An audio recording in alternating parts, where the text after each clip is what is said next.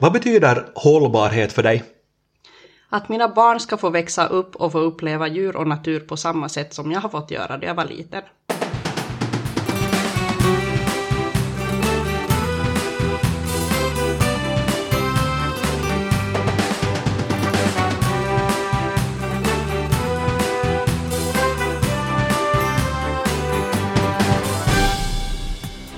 Framtidsodlarna är idag i Töjby, Närpes och jag, Jens Berg, är på besök hos tomatodlaren, växthusföretagaren Emma Granö Ring. Hej Emma!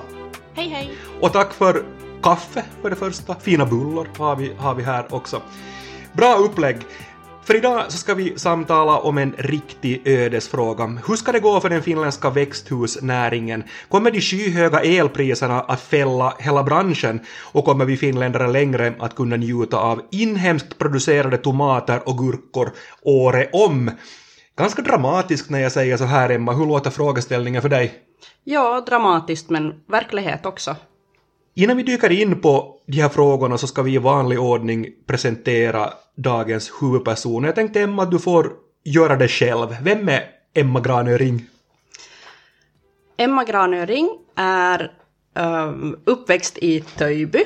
Jag har bott lite, lite här och var, men jag är uppväxt i Töjby och uh, jag har en man från Ekenäs och jag har tvillingbarn på tre år och en hund och en katt. Hur är det, har du vuxit upp med växthus eller hur, hur ser bakgrunden ut? Från när jag var liten så, så är jag uppväxt i bybutiken men sen, sen när jag började högstadiet så, så köpte min mamma och pappa växthusanläggningen. Så från högstadiet är jag uppväxt med växthusen. Så det är för, för er som lyssnar på det här och känner till Töjbytrakten så det är Nybos butik som är ett begrepp här i, här i trakten. Jajamän. Jag måste genast säga till, till er som, som lyssnar också att det här är ett speciellt avsnitt för, för mig att göra också, för här endast ungefär två kilometer från där vi sitter nu hos, hos Emma, så, så där har jag vuxit upp i, i växthus. Min farmor och farfar hade i tiderna växthus här, så det är alltså min pappas gamla hemgård som finns bara ett eh, par stenkast härifrån. Men du sa att dina föräldrar då, när du gick på högstadiet ungefär, så, så köpte den här anläggningen, men då hade det alltså funnits växthus här, här tidigare? Ja, nu är jag lite osäker när det byggdes, men någon gång på 70-talet skulle jag ha för mig att det byggdes. Och sen 96 så köpte min mamma och pappa anläggningen. Och du och din man Sebastian, han från Ekenäs då alltså, så, så när tog ni över? Uh, vi tog över september förra året. Så det är så pass färskt? Japp. Japp. Hur mycket har det förändrats här sen, sen dina föräldrar då tog över den här växthusanläggningen? Hur har den utvecklats? Uh, det började med gurka i hela anläggningen som var då i, som idag är då gamla anläggningen. Jag kommer inte ihåg hur länge de hade gurka, men sen bytte de över till hela anläggningen med, med körsbär. Och sen byggdes det ut, det, det var då 6000 kvadratmeter och det byggdes då ut 6000 kvadratmeter till så att idag är det då 1,2 hektar och det har då odlats körsbär, majoriteten av anläggningen sen dess. Körsbärstomater? Körsbärstomater, men, men det har, på senare år har det bytts ut lite att ena gamla huset har vi haft gurka i och ibland lite spetspaprika och, och så här. Och, och den här gamla anläggningen så är av, de här, av den här klassiska växthusmodellen och den nya så är av de här block Yep. Som, man, som man har sett ganska, ganska mycket av. Som är som ett block men som har lite sådär ett uh, vågigt tak, eller hur ska man beskriva det? Ja, riktigt? det är som vågigt tak, exakt. Ja. ja. Ganska, ganska häftigt, men hur, hur var det med, det talas ju ganska mycket om, om, om generationsväxlingar och, och, och, och liksom den typen av, av byråkrati och frågeställningar och så. Hur gick generationsväxlingen för dig och för, och för er här? Den gick relativt smärtfri. Vi tog det i lugn och ro. Vi, vi, gjorde, vi förhastade inte oss med någonting. Uh, det kom, kom lite graviditeter däremellan och, och sånt som drog ut på tiden. Men, men det här, så sen då, då vi väl gjorde det så, så var det, alla, alla visste var, var skåpet stod och, och, och det var inte några no konstigheter över det. Var det sådär då från, från en dag till den andra att okej, okay, nu är det Emma och Sebastian som, som rår över, över det här, att nu får ni gärna komma med goda råd men vi lyssnar om vi, om vi vill. Ja, eller det blev egentligen generationsväxlingsdagen som som var dagen D. Att då, då, då sa mamma och pappa att nu har, nu har bläcket torkat på pappret, att nu, nu är det ni. nu är det ni. Ganska, ganska coolt egentligen. Men det var ju stort av dem också, att jag menar att de bara, bara släppte det och lita, lita på er att nu får ni. Absolut, absolut. Nu får ni sköta det här.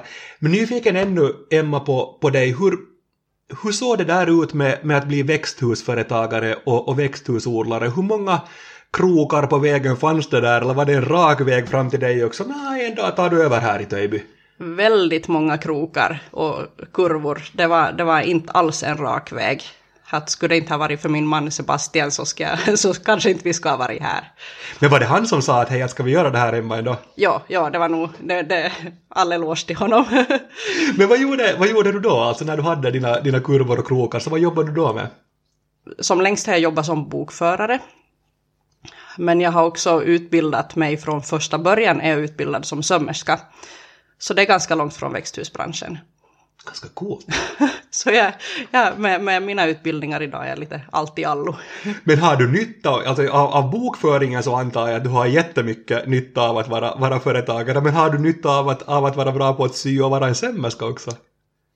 Inte något annat än gardinerna. Nej, men vi kommer in på det där också, ni har en gårdsbutik, jag börjar fundera att kanske du har nytta av det där också med, med inredning, att du har ett bra öga för det. Nå, inte vet jag. Vi har inte riktigt besökt gårdsbutiken ännu, så det, det får du ta ställning till själv. Nej, men jag ser bara ert hem här också när vi sitter, sitter i, i, i matsalen att det, det är snygga saker som du, som du har fixat här, så jag antar bara att du har, att du har ett bra öga för, för det. Tack. Var det också ett val av livsstil när du och din man bestämde er för att, att nu, tar ni, nu tar ni över det här? Absolut. Och det var, det var nästan valet av livsstil som gjorde att vi, vi ville ta över växthusen. Bort från ett stressigt stadsliv till... Nu, nu kan det vara stressigt här också, men på ett helt annat sätt. Och ni snackar igenom det där mycket också då, att okej okay, att det är liksom det här livet ni vill, mm. ni vill leva med ert eget tempo och, och, och, så antar jag. Ja, ja, att här, här kan det vara stressigt på dagen och, och, men fast vi jobbar tillsammans så är det lättare att släppa det då man kommer hem sen. Ja. Mera fokuserad på nuet. Ännu måste jag fråga dig att, att när, när Sebastian då karln din så var den som, som sa att nej men nu Emma gör vi, gör vi det här. Visste han någonting om, om växthus då? Nej, ingenting. Ursäkta. Men han har bra självförtroende. ja, nej, han, han, han har nog gröna fingrar han också. Så att det mm. gav mig en trygghet. Det är alltså företaget Granös grönsaker ni, ni driver nu och, och ni har stora förändringar på gång, både i produktionen och i sortimentet och allt det här hänger åtminstone delvis ihop med den kris som branschen genomlever. Berätta Emma, hur ser alla de här förändringarna ut nu som ni har på, på gång här? Förutom generationsväxlingen som vi har gjort så ska vi också byta packeri, eller vi är mitt uppe i packeribytet. Vi har tidigare sålt produkterna till ett privat packeri, men nu ska vi då också börja sälja, eller vi ska helt och hållet byta om då och börja sälja till andelslaget Närpes grönsaker. Som är det största? Som är det största, ja. Inte bara generationsskifte, utan också packeri och om jag förstått saken rätt också sortimentet. Mm, också sortimentet. Det blev som en, en del av paketet i samband med packeribytet att eh, då vi sålde till det privata packeriet så hade vi, eh, så hade vi möjlighet att också kunna sälja en del privat. Så då sålde vi direkt till, till butiker och det har gjort att vi, vi testade oss fram med lite specialsorter och sånt. Men i samband med nu packeribytet så då innebär det också att vi ska sälja direkt till packeriet istället. Men när du säger specialsorter, du var, du var inne på, på körsbärstomater, cocktailtomater, dunneaktiga tomater och sådär. Var det liksom den typen av specialsorter ni hade då? Mm, färg och form, vi har haft vad heter det, gula, orangea, svarta, små, mellanstora. Lite, lite allt möjligt har vi haft. Men sålde ni dem till, till restauranger då, då också? Mm, restauranger och direkt till butikerna i Vasa. Men hur känns det där nu att, att skippa dem då?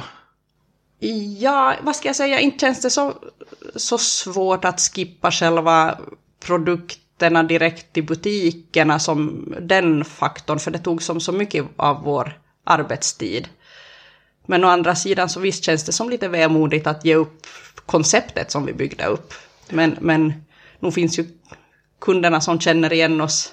Att vi, vi kommer fortfarande att ha kvar gårdsbutiken och där kommer vi att ha många nya testsorter också och sånt så att inte, inte, inte kommer jag att märka det så mycket i vardagen tror jag för att det, det blir.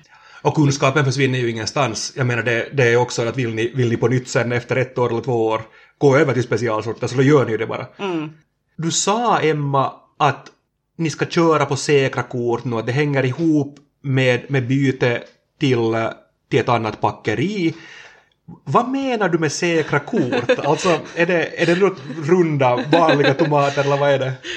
Säkra kort för mig äh, betyder att sånt som, sånt som finländarna tänker på vanliga grönsaker då de går till butiken. Alltså kanske sån här vanlig vanlig rundtomat och, och eventuellt lite körsbärstomater. Och, och, nu kommer vi däremot inte att ha gurka, men, men lite paprika också kommer vi att ha. Och det, det för mig känns som säkra kort så här att man, man vet att det är det som kunden vill ha.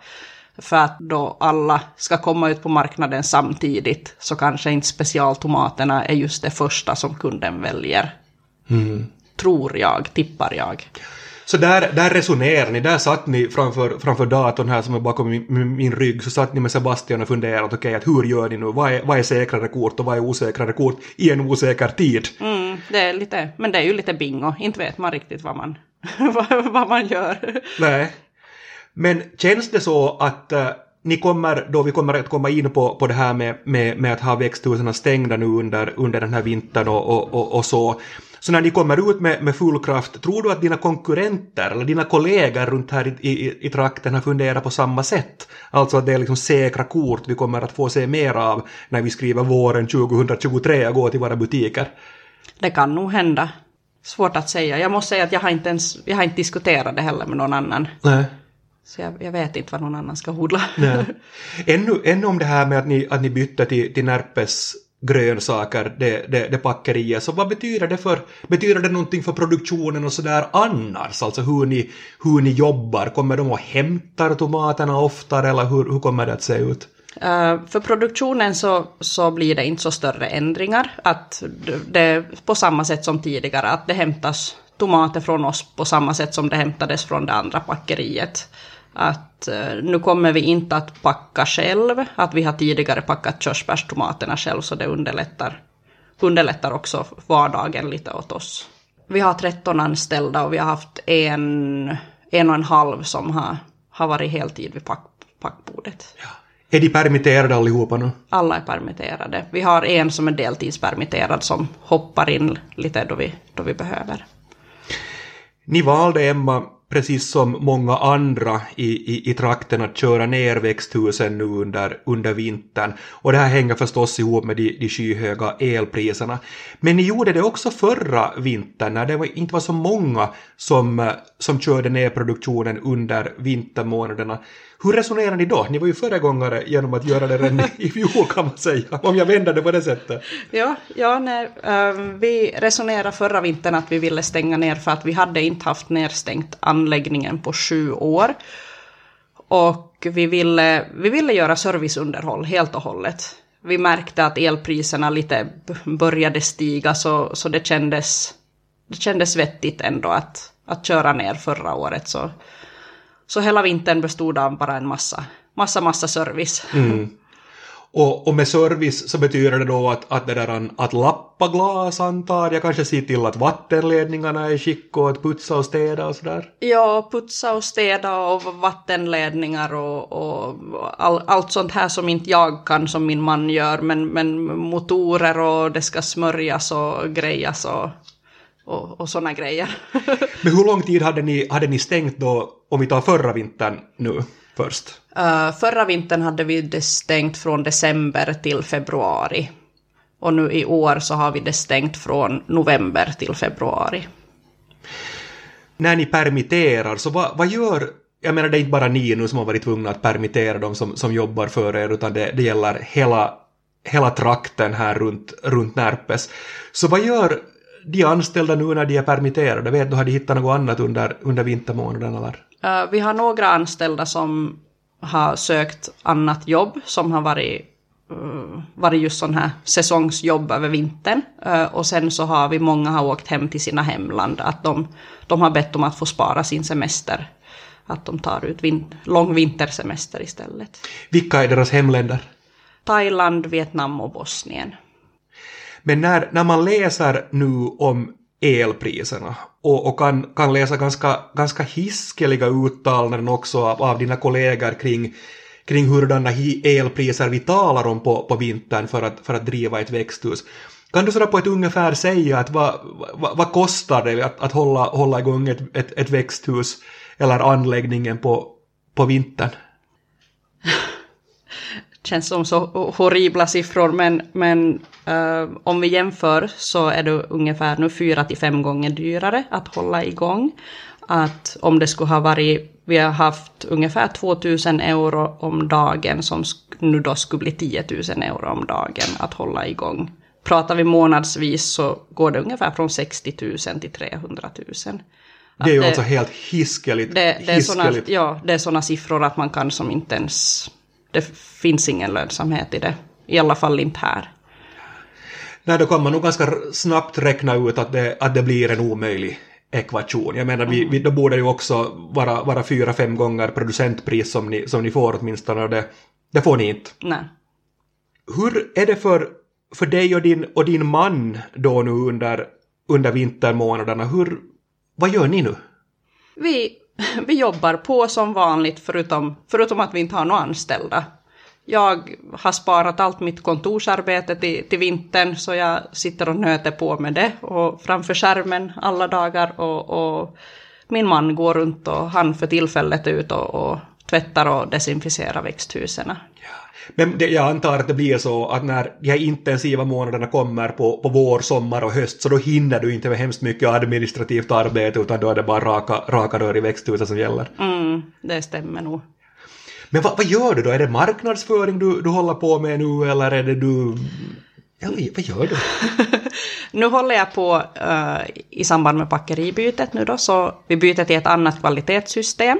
Uh, så det betyder att det är ganska mycket pappersjobb inför det nya kvalitetssystemet. Och det är det som, som, har, som jag har reserverat hela vintern åt. Utöver det så har jag också tagit mig an lite, lite bokföringsuppdrag från andra små firmor som vill ha min hjälp. Men du har, inte, du har gått tillbaka till sömmerske? Ja, nej. Nej, nej. det har du inte gjort, utan det är bok, bokföringen. ja.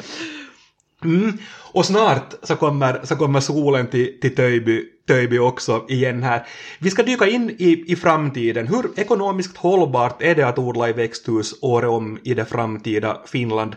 Och är de här stora förändringarna vi ser nu här för att stanna?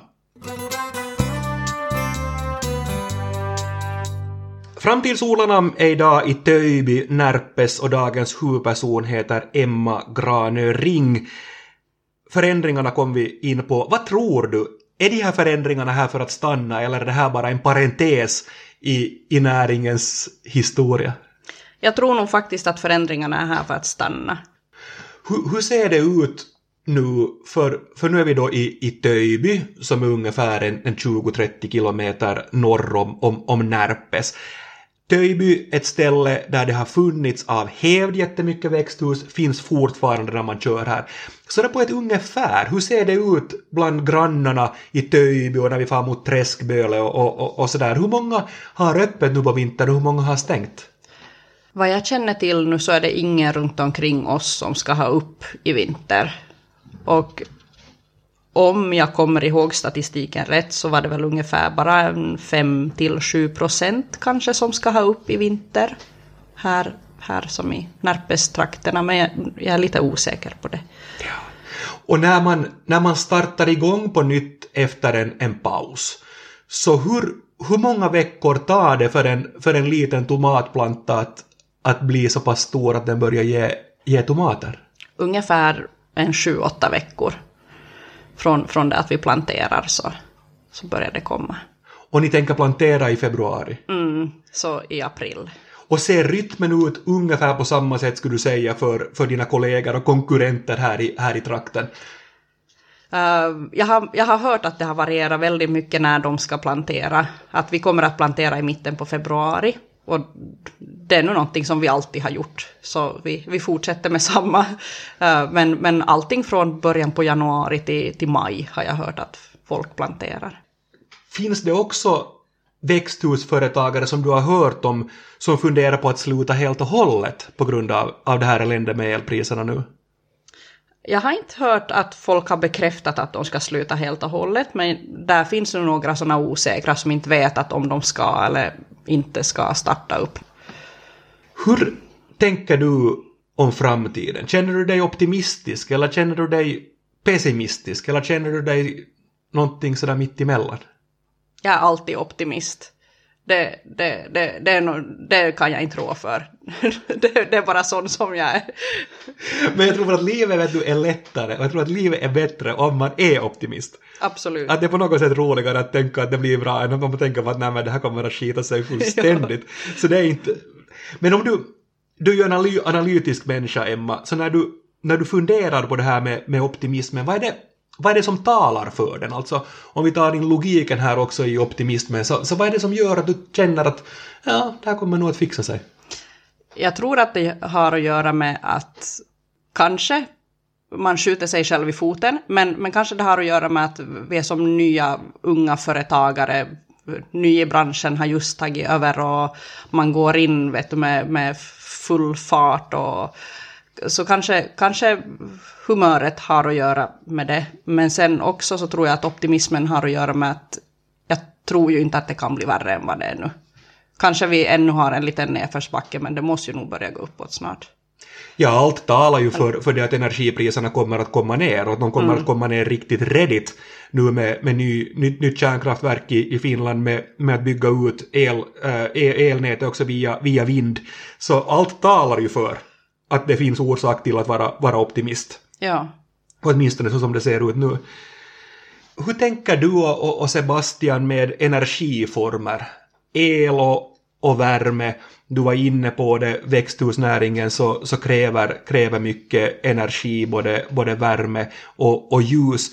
Hur tänker ni på de olika energiformerna? Finns där grejer som ni går omkring och funderar på, på alternativa energiformer som skulle göra att, att ni blir mer självförsörjande också?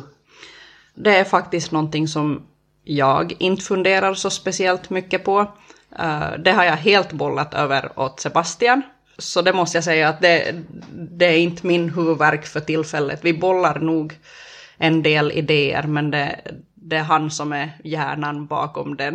den Men vilka alternativ sidan. har han då? När han, när han sätter sig här, här det där och ni tar, en, ni tar en kopp kaffe eller en kopp te och sitter och funderar, så vilka, vilka alternativ kommer han fram med då, Sebastian? No, inte, jag tror inte att vi har kommit fram med direkta alternativ så här, utan vi bara konstaterar verkligheten. Och det är väl det att torven kommer att försvinna i något skede troligtvis. Och där har vi väl, så långt har vi kommit har ni kommit så långt också att ni har börjat fundera på, på biogas och den typen av, av möjligheter till att, att exempelvis använda, använda kogödsel eller andra saker till att värma upp växthus? Jo, vi har pratat om biogas faktiskt, men vi har pratat om det i sånt, i sånt sammanhang att vi inte riktigt vet vad det är och att vi kanske inte riktigt förstår oss på det och, och att det känns som att det är inte riktigt i våra händer att, att utveckla det, men att, att vi är alltid öppen till att om, om någonting skulle utvecklas så, så mitt i allt hakar vi på. Mm. Vi gjorde ett, eller jag gjorde ett avsnitt här för, för, för några månader sedan, inte så långt härifrån, i, i Korsholm i Vikby, så var jag och talade med, med far och son Mara, med Tobias och Bjarne Mara, som har byggt en biogasanläggning. Så ni kan åka med Sebastian här när ni har någon lugnare dag, så kan ni åka på studiebesök till Vikby och kolla. Absolut, mm. låter spännande. Du sa Emma att ni har en egen gårdsbutik också. Jag, jag vill ännu ställa dig några frågor kring, kring den. Hur, hur funkar den? Den fungerar som så att man går in och där på bord och hyllor så finns allt vårt urval och priser uppsatta. Och sen så kan man betala antingen kontant med Mobile Pay eller direkt i kontot. Att där finns alla uppgifter man behöver. Och så har vi kassar om man handlar mycket så det ryms, ryms med. Men det, det är så att det är i princip öppet hela tiden och att ni Mm. litar på, på folk som, som kommer dit eller, eller hur ser det ut? Ja, det är exakt så som det fungerar. Att så här långt ut på landsbygden så, så kan man göra så. Är det någon som har missbrukat det eller har det, har det, har det gått bra? Ja, nog har det, har blivit missbrukat men, men vi har videokamera också så att, eller filmkamera där så, kameraövervakning där så att det syns. Om, om vi märker att någonting saknas så, så har vi möjlighet att kontrollera upp det. En sån fråga ännu om, om gårdsbutiken. Hur stor del av, av er omsättning, så där på ett ungefär, kommer från, från gårdsborden? Det är nog bara en liten del. Nu har jag inte riktigt räknat på det, men det en max 2 procent. Exakt, ja. Så det, det är bara en sån här liten Det, tilläggsgrej. det är en liten tilläggsgrej. Men, men ser du det som, en, som ett framtida spår också, att, att utöka det? Att Granäs grönsaker så är, är, är den lokala lilla gårdsboden som, som finns för, för folk som, som kommer och vill ha gurkor, tomater och paprikor och specialprodukter. Absolut, för mitt, mitt på sommaren i, i värsta rusningen så, så känner man alltid att gårdsbutiken är alldeles för liten. Och då, då, då är man, då vill man expandera. Vi var inne på, på det att i mitten av februari så drar ni igång igen med, med nya plantor. Hur, hur känns det när du tänker på, på det? lite nervöst, lite nervöst, men, men samtidigt alltså väldigt spännande. Det är ju det som, då drar allting igång igen. Man väntar ju. Och allt det, det nya, med, med det nya packeriet, egentligen år två sådär på riktigt med, med, med Sebastian, nytt sortiment och sådär, så jag kan förstå att det, att det pirrar. Men i och med att du är optimist så, så är det väl med glädje också? Jo, det är mest med glädje jo. Vad hoppas du av produktionen 2023? Jag hoppas väl att, att det inte ska bli så som man tror att det ska bli. Man tror att alla kommer ut på marknaden samtidigt och att det blir kaos, pris, eh, priskaos och sånt. Så, så det hoppas jag väl att det inte ska bli. Men, men vi, vi får se, vi får se. Mm. Samtidigt så finns det det, det uppdämda behovet hos konsumenterna också. Så jag med, även om det kommer så att ni är många som kommer ut samtidigt på, på marknaden så, så är också konsumenterna sådana att de, att de vill ha det. Så får jag väl också tänka som är optimist. Absolut, absolut. En konstig fråga, när jag, när jag är här så, så kan jag sakna doften av växthus. Gör du det? Jo, det gör jag, det gör jag. Och sen doften av de första tomaterna.